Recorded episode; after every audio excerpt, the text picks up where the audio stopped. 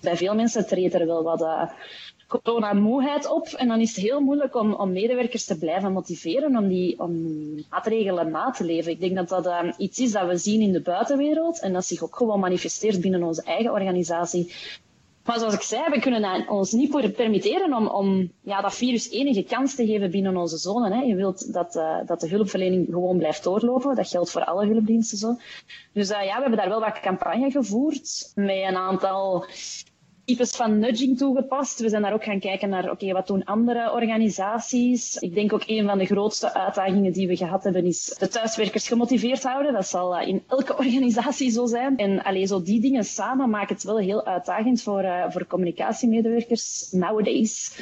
Om uh, die communicatie op een goede manier te voeren, al dan niet campagnegewijs.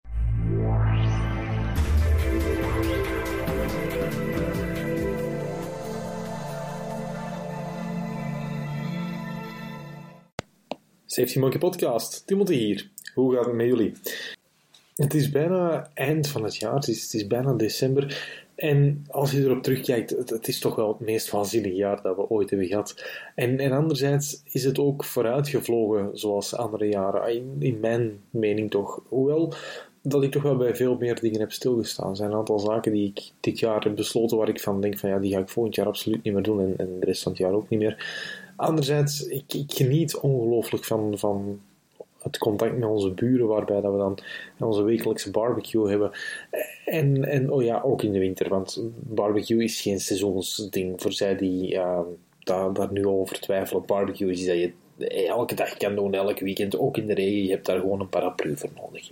Anyway, ik denk dat we daar deze tijden veel meer warmte aan geven. En, en het is ook niet duidelijk waar dat we naartoe gaan met de feestdagen. En de, de ene optimist zegt van ah, we gaan terug met, twee of drie gezinnen aan tafel kunnen schuiven. De andere optimist zegt van goh, het is eigenlijk geen flauwe excuses zoeken om uh, kerstmis niet te moeten vieren met, met mensen waar ik het niet mee wou vieren. Maar ik weet het niet. We zullen nog een jaartje moeten doorbijten en dan zullen we wel zien waar we terechtkomen. Maar tot dan gaan we zoveel mogelijk ons verstand gebruiken en zorgen dat we ja, zo compliant zijn dan dat nodig is en zo compliant zijn dan het hoort. Wel, deze aflevering heeft ongeveer alles al tegen gehad wat tegen kan hebben. Het is nu woensdagavond en terwijl ik eigenlijk deze aflevering wil uploaden, blijkt dat er een 503 is, dat de service not available is van Anchor en dat dus de aflevering niet eens kan geüpload worden. Nu, dat lijkt niet alles, maar Vandaag hebben we Jasmin O, de um, Head of Communication of uh, Queen of Hashtags van de brandweer van Antwerpen op bezoek. Nu, normaal gezien was Jasmin eigenlijk de tweede aflevering van de Safety Monkey podcast helemaal begin dit jaar in januari. Wat best wel gek is, want als je de twee verhalen zou kunnen vergelijken, dat zijn compleet twee andere podcasts geworden. Maar helaas, we kunnen ze niet vergelijken, want de eerste aflevering, het moment dat we eigenlijk de opname hadden en uh, hadden opgeslagen, was die file corrupt. Dus Jasmin, we zouden dat terug opnieuw moeten doen. En toen was het ongeveer februari, wanneer dat de brandweer in Antwerpen al helemaal paraat ging staan voor corona. Long story short, het heeft ongeveer geduurd tot um, begin november dat Jasmin eindelijk wat tijd had in haar superdrukke agenda. En toen bleek dat de opname van deze uh, podcast niet via Zoom kon gaan, uh, omwille van technische problemen, maar via Skype. Volgens mij als gevolg dat je in deze opname regelmatig zo'n glitch hoort, waar, waarvan je weet van, hm, dit klinkt niet logisch. Wel ja, dat is omdat waarschijnlijk Skype niet echt kan bufferen zoals dat Zoom dat kan. Um, nu, dat was allemaal oké, dan is het allemaal op zich um, gelukt, maar dan blijkt de kwaliteit niet te zijn wat we eigenlijk wouden. Met andere woorden, dit is echt een aflevering die bloed, zweet en tranen heeft gekost. Maar aan de andere kant, het is ook wel een aflevering waar ik achteraf naar terugkijk als een aflevering die veel meer is geworden dan de eerste aflevering. En nu gaat het heel sterk over interne en externe communicatie en over hoe dat we D5, want daar gaat het over discipline 5, um, ehm, hoe dat we daar veel beter als preventieadviseurs mee kunnen omgaan.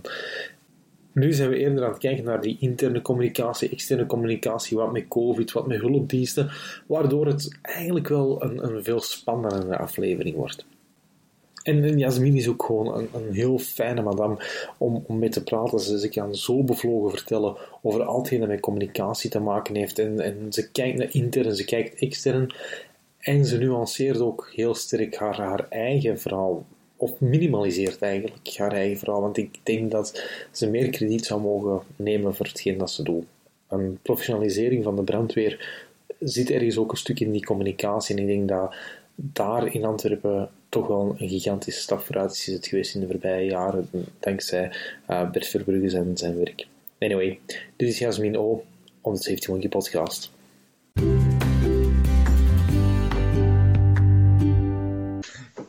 Hey, goedemorgen Jasmin. Welkom de Safety Monkey podcast. Voor zij die jou niet kennen, stel je even voor. Ik ben uh, Jasmin O. Ik ben uh, woordvoerder bij Brandweerzone Antwerpen en ik ben daar ook het diensthoofd uh, communicatie. Hm. Ja, buiten het feit dat je het record hebt aan de, de kortste naam ooit, ben je ook een, een, een, zeer belangrijk onderdeel van de discipline 5 binnen de hulpverlening. En, wat is discipline 5?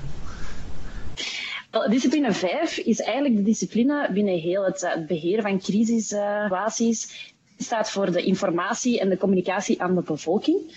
Um, mensen zijn zich daar misschien niet helemaal van bewust, maar als er zich een, eh, een groot incident voordoet, dan uh, schrijft de wet voor dat disciplines aanwezig moeten zijn. En dat is uh, bijvoorbeeld discipline 1 wordt vaak opgenomen door de brandweer, maar ook de politie en de medische diensten zijn daar aanwezig. er wordt ook een, een luik voorzien, discipline 4, bijvoorbeeld dan voor de, de, logistieke ondersteuning. Dat wordt vaak opgenomen door de civiele bescherming of door defensie. En discipline 5, dat is eigenlijk de discipline die dan instaat voor ja, die communicatie, zoals ik zei. En die gaat er eigenlijk voor zorgen dat de mensen die in de buurt aanwezig zijn, de burgers of, of eh, de mensen die dat nodig hebben, dat die op een goede manier geïnformeerd zijn over wat er gebeurt, wat er gaande is. Ehm, en dat die ja, de juiste communicatie krijgen om uh, daar eventueel mee aan de slag te gaan.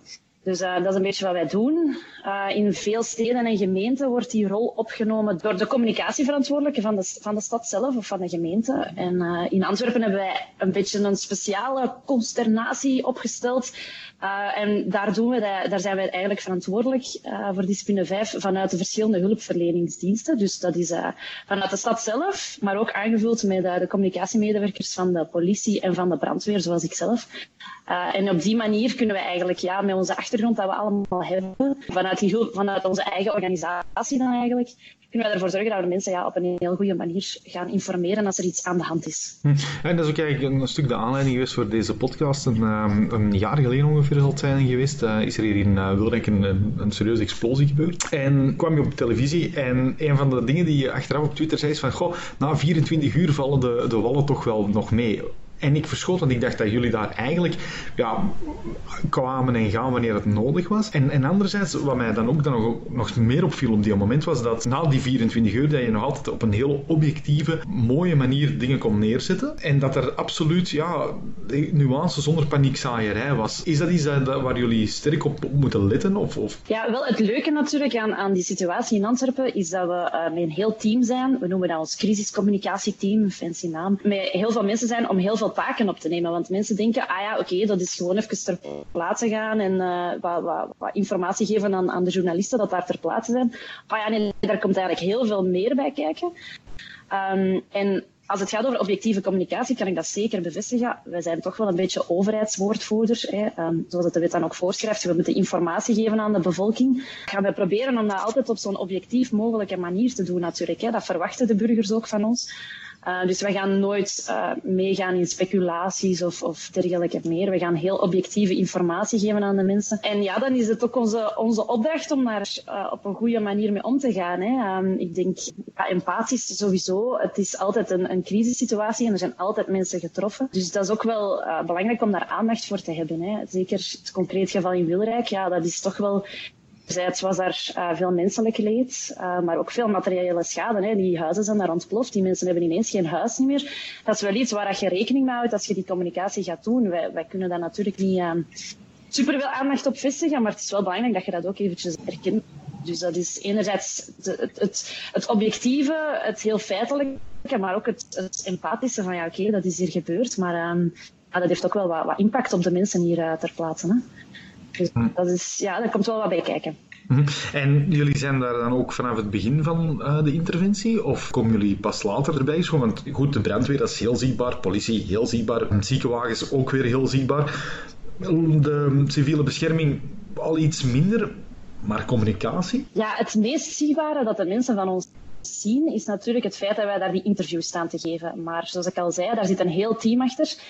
Antwerpen hebben wij een beetje een luxe positie. We zijn altijd met een drie tot viertal mensen van wacht. Dus dat wil zeggen dat wij um, ja, een wachtrol voorzien, zowel bij de stad als bij de politie en de brandweer. Dus we hebben eigenlijk voor elk van die drie uh, zaken hebben wij iemand 24-7 die van wacht is. Dat is dat lijkt uh, misschien veel, maar dat is ook wel soms nodig. Hè? Als je kijkt, oké, ja, die, die explosie in Wilrijk, mensen kunnen niet uh, één of twee uur wachten van ja, oké, um, op communicatie. Hè. Je moet eigenlijk heel snel kunnen schakelen.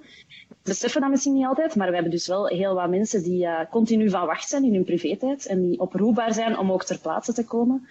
Uh, in het geval van uh, de explosie in Wilrijk, uh, of, of eender welke situatie, noodsituatie, ja, zijn wij oproepbaar en dan kunnen ze ons bellen en dan komen wij eigenlijk vrij meteen ter plaatse om daar van alles te regelen.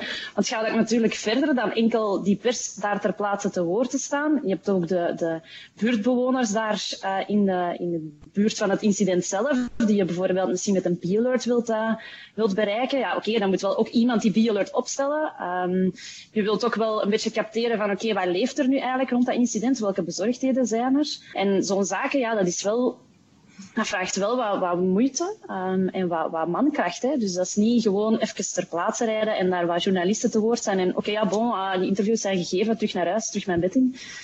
Nee, daar komt wel echt heel wat bij kijken. Nu, discipline 5 is niet altijd even zichtbaar. En voor jullie zelf ook niet, want als er plotseling hoogplaatste gasten langskomen tijdens zo'n zo'n ramp, ja, wordt er van jullie blijkbaar ook heel veel verwacht om in gang te zetten. Het van discipline 5 is natuurlijk super divers. Hè. Enerzijds heb je de, de getroffen bevolking ter plaatse, dus de, de heel naaste bevolking die je heel direct wilt informeren. Die zijn ook vaak ter plaatse aanwezig, dus die ga je heel direct moeten, moeten informeren.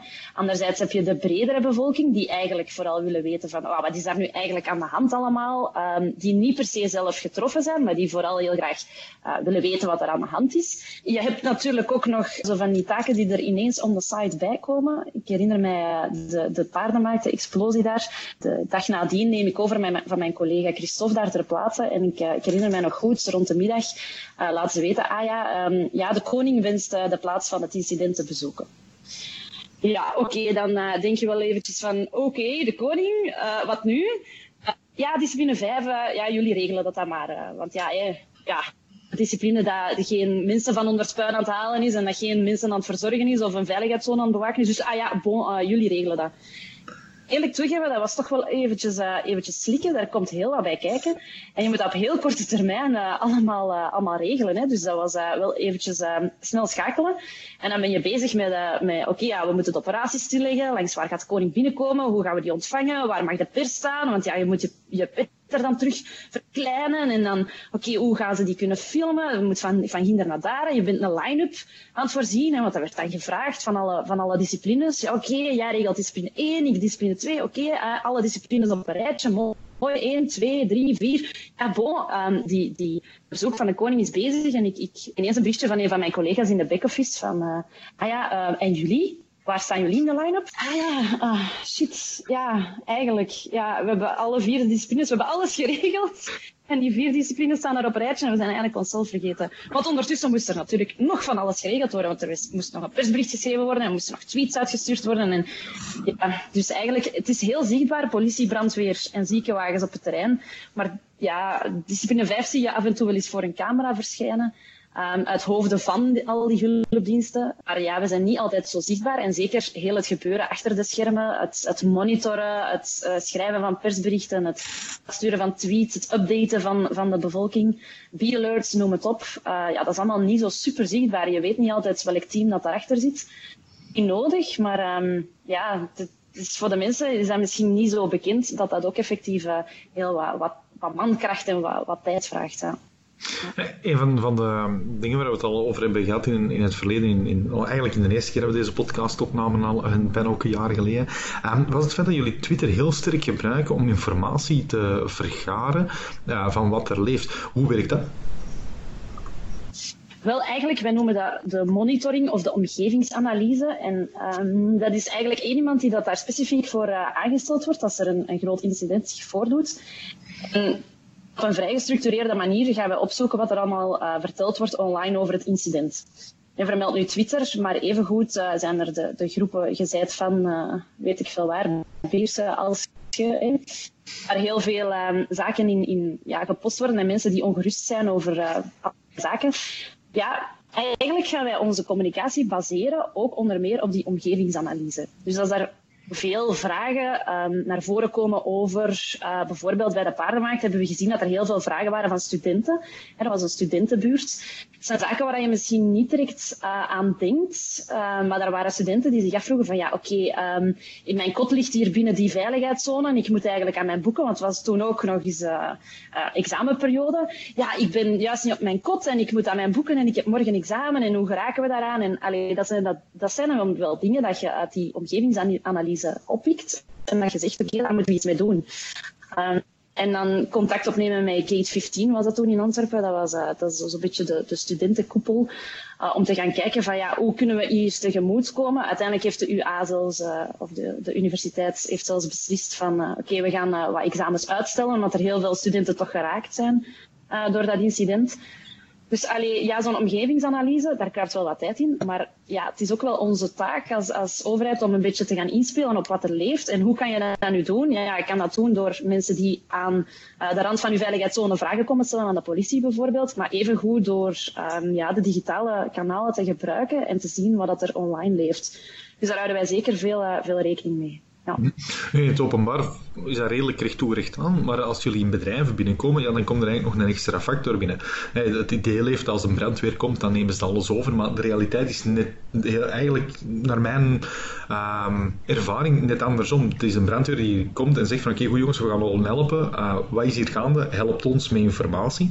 Kunnen we als preventieadviseurs meer doen om jullie als, als discipline 5 te ondersteunen in informatie en, en in standaardisatie van um, informatiepakketten die moeten, moeten aangeleverd worden? Goh, ik denk um, als wij als discipline 5 ter plaatse komen, dan uh, ja, is het uh, wel al menens. Wil dat zeggen dat uh, het, het, effect van, van uw incident zich ook buiten uw, uw eigen bedrijf bevindt? Hè? Dat is eigenlijk een beetje de regel. Van zodra dat er bijvoorbeeld rook um, richting een woonwijk of zo begint, begint zich te manifesteren, of er is een, chemisch incident waarbij dat de buurt betrokken is, ja, dan komen wij ter plaatse. Hè? En dan eigenlijk zeggen dat wij vanuit discipline 5 dat er informatienoden zijn richting de bevolking daar. Hè. Dus um, dat we eigenlijk um, jullie ter plaatse een beetje komen ondersteunen.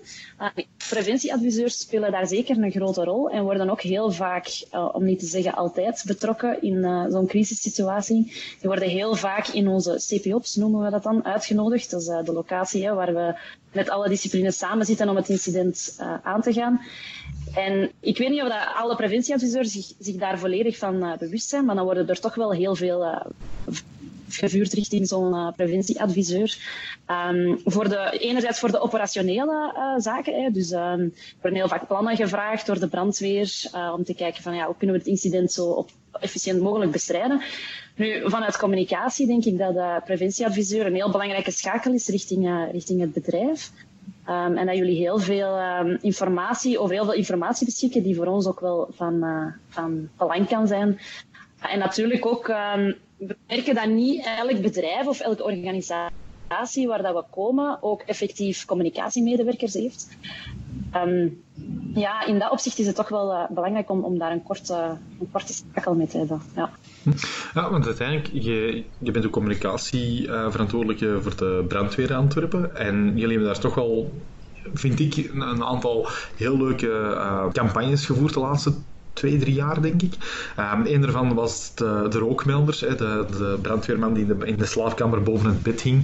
Vond ik hilarisch. En dan nu uh, is de nieuwste campagne Sluit de Deur, waar ook weer opvalt hoe jullie op een ja, proactieve en toch wel een, een redelijk zachte toon mensen proberen meekrijgen. Terwijl dat, hè, er zijn bepaalde communicaties die gaan van ja, je kunt op café gaan of je ouders afgeven. Je moet daartussen kiezen, wat ja, absoluut niet werkt natuurlijk. Dat weet iedereen ondertussen. Is dat een, een, een bewuste tactiek die, of een, een bewuste techniek die jullie hanteren om mensen mee te krijgen door ze eigenlijk ja, what's in it for me uh, mee te geven?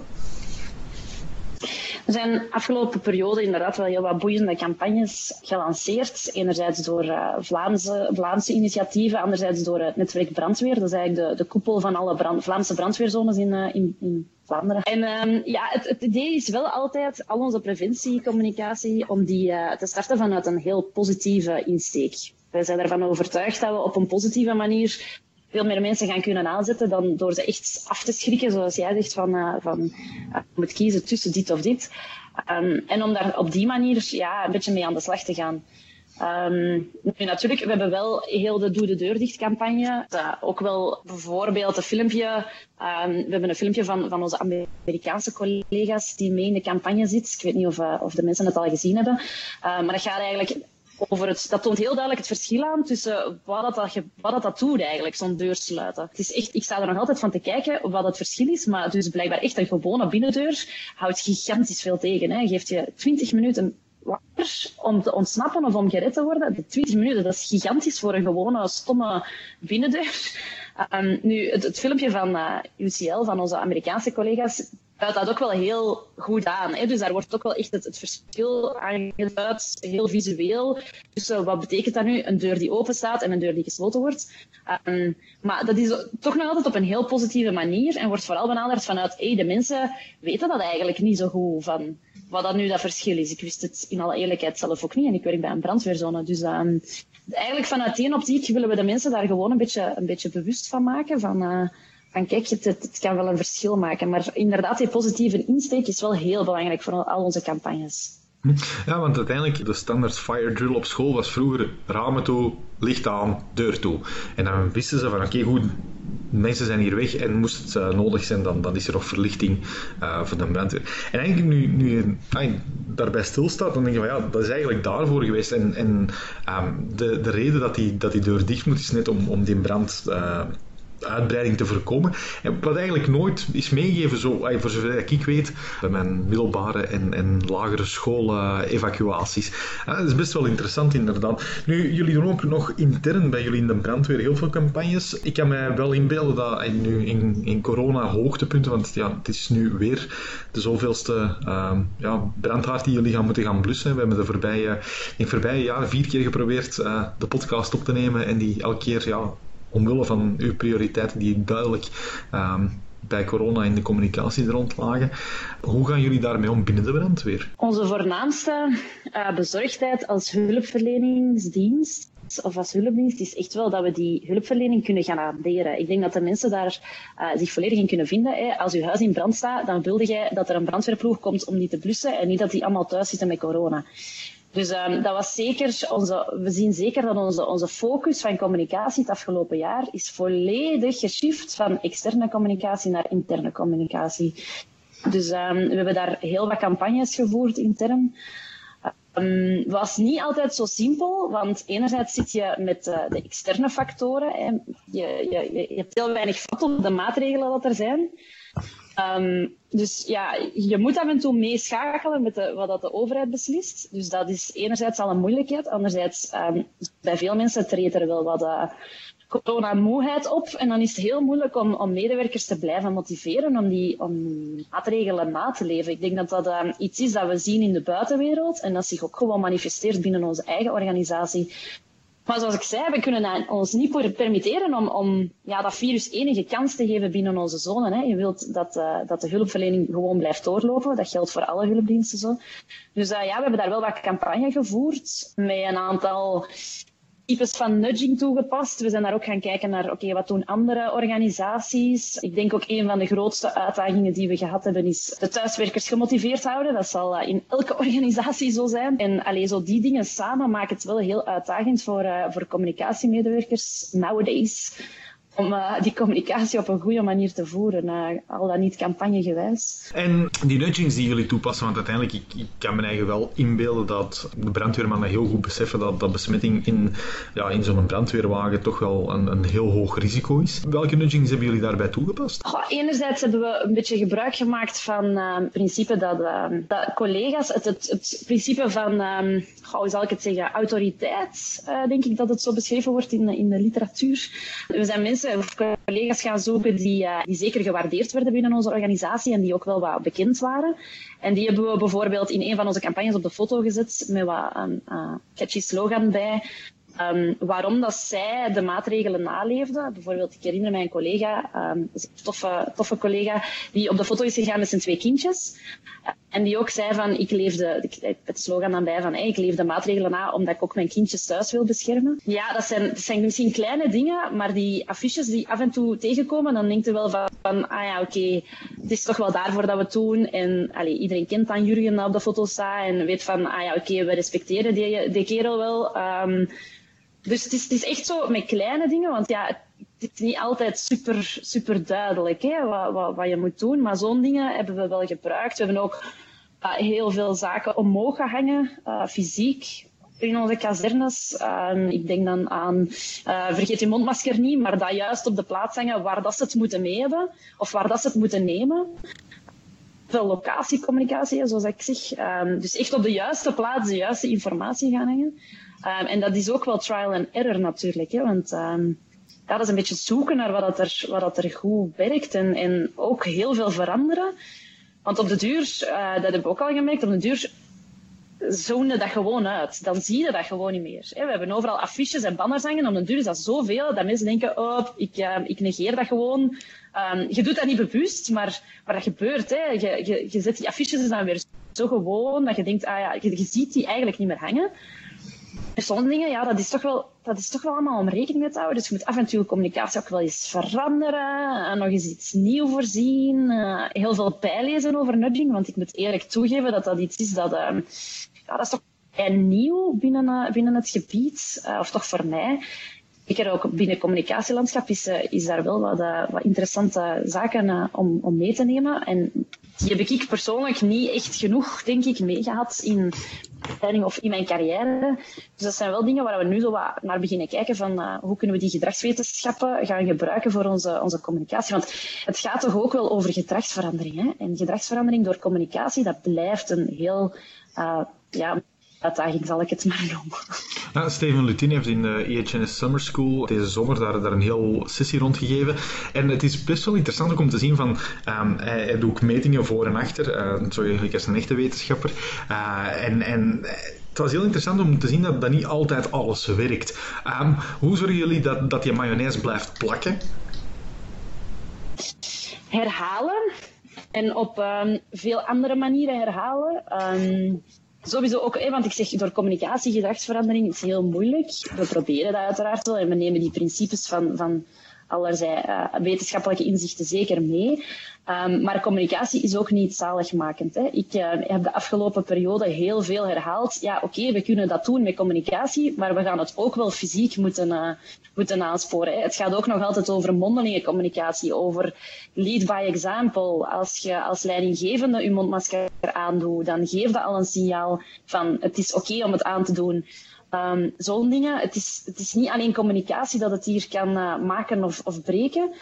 Um, het is een samenspel van heel veel factoren en ik ben dan ook heel blij dat we binnen onze, onze brandweerzone als communicatiedienst mee aan tafel zitten binnen de crisiscel. Ik denk dat dat heel belangrijk is om um, enerzijds mee te pushen op die, op die communicatie, maar ook op die maatregelen. Want ik zeg het, het is een samenspel en ik denk dat we daar allemaal aan dezelfde kar moeten trekken. Um, het feit dat je, dat je daar mee aan tafel zit en mee die zaken kan sturen, dat helpt ook wel heel hard binnen een organisatie om, uh, om het draagvlak een beetje te vergroten.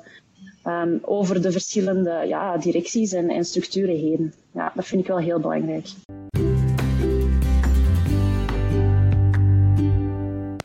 Haha, vonden jullie hiervan? Ik denk dat Jasmin de nagels mee koppen slaat op het moment dat ze het heeft over die positieve communicatie. Als je een, een doorgewinterde brandweerman kan overtuigen van het nut van mondmaskers, dan, dan kan je toch iedereen overtuigen. Het is alleen de wijze waarop men het doet. Want daar zie je Jasmin haar aanpak totaal verschillend zijn van sommige uh, ja, preventiecommunicatie, waar dat dan weer veiligheid op de eerste plaats komt en, en ik doe het veilig of ik doe het niet. Maar wat zegt dat eigenlijk? Dat, buiten het feit dat dit waarschijnlijk tegen de mensen zegt die het moeten uitvoeren dat het complete nonsens is, dat er zijn. Het zegt ook dat je geen positief alternatief biedt. Je biedt een carrots and sticks methode aan. En daar hebben we het al in deze podcast gigantisch vaak over gehad. Het werkt niet. En Jasmin laat net zien dat een zachtere communicatie, een manier van empathische communicatie, net wel werkt. Anyway, dit was het voor deze podcast. Ik hoop dat Anchor vandaag nog een teken van leven heeft en dat ik uh, op woensdag mijn podcast kan, kan lanceren. Maar zoals gewoonlijk, vertel het door aan je familie en vrienden. Abonneer je. Stel alles in vraag en tot de volgende podcast.